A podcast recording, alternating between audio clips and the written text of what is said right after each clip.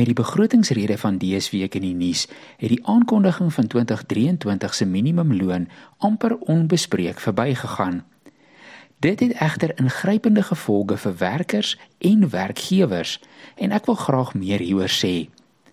Ek is Waldo Kriel en hierdie is die landbou-ekonomie minuut, ondersteun deur rein geoktroeëerde rekenmeesters.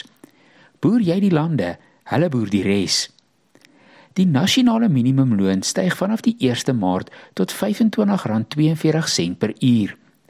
In persentasieterme is dit 'n stygings van 9,7%. Dit is hoër as wat verwag is en hoër as verlede jaar se gemiddelde inflasiekoers van 6,9%.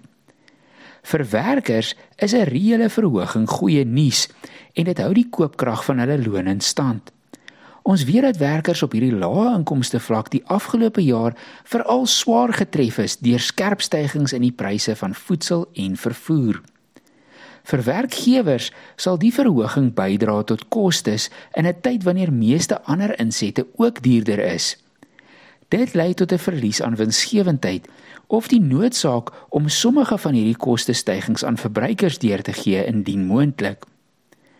Daar word dikwels aangevoer dat verhogings in die minimumloon tot werksverliese lei.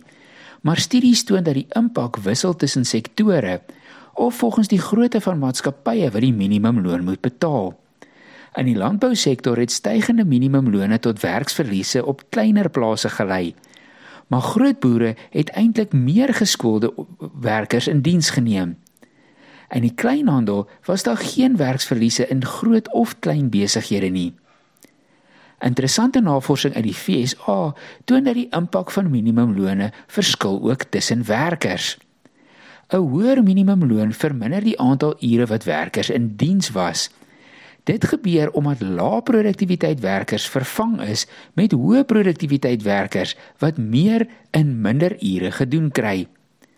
'n Goed bedoelde beleid kan die einste mense wat dit probeer beskerm benadeel.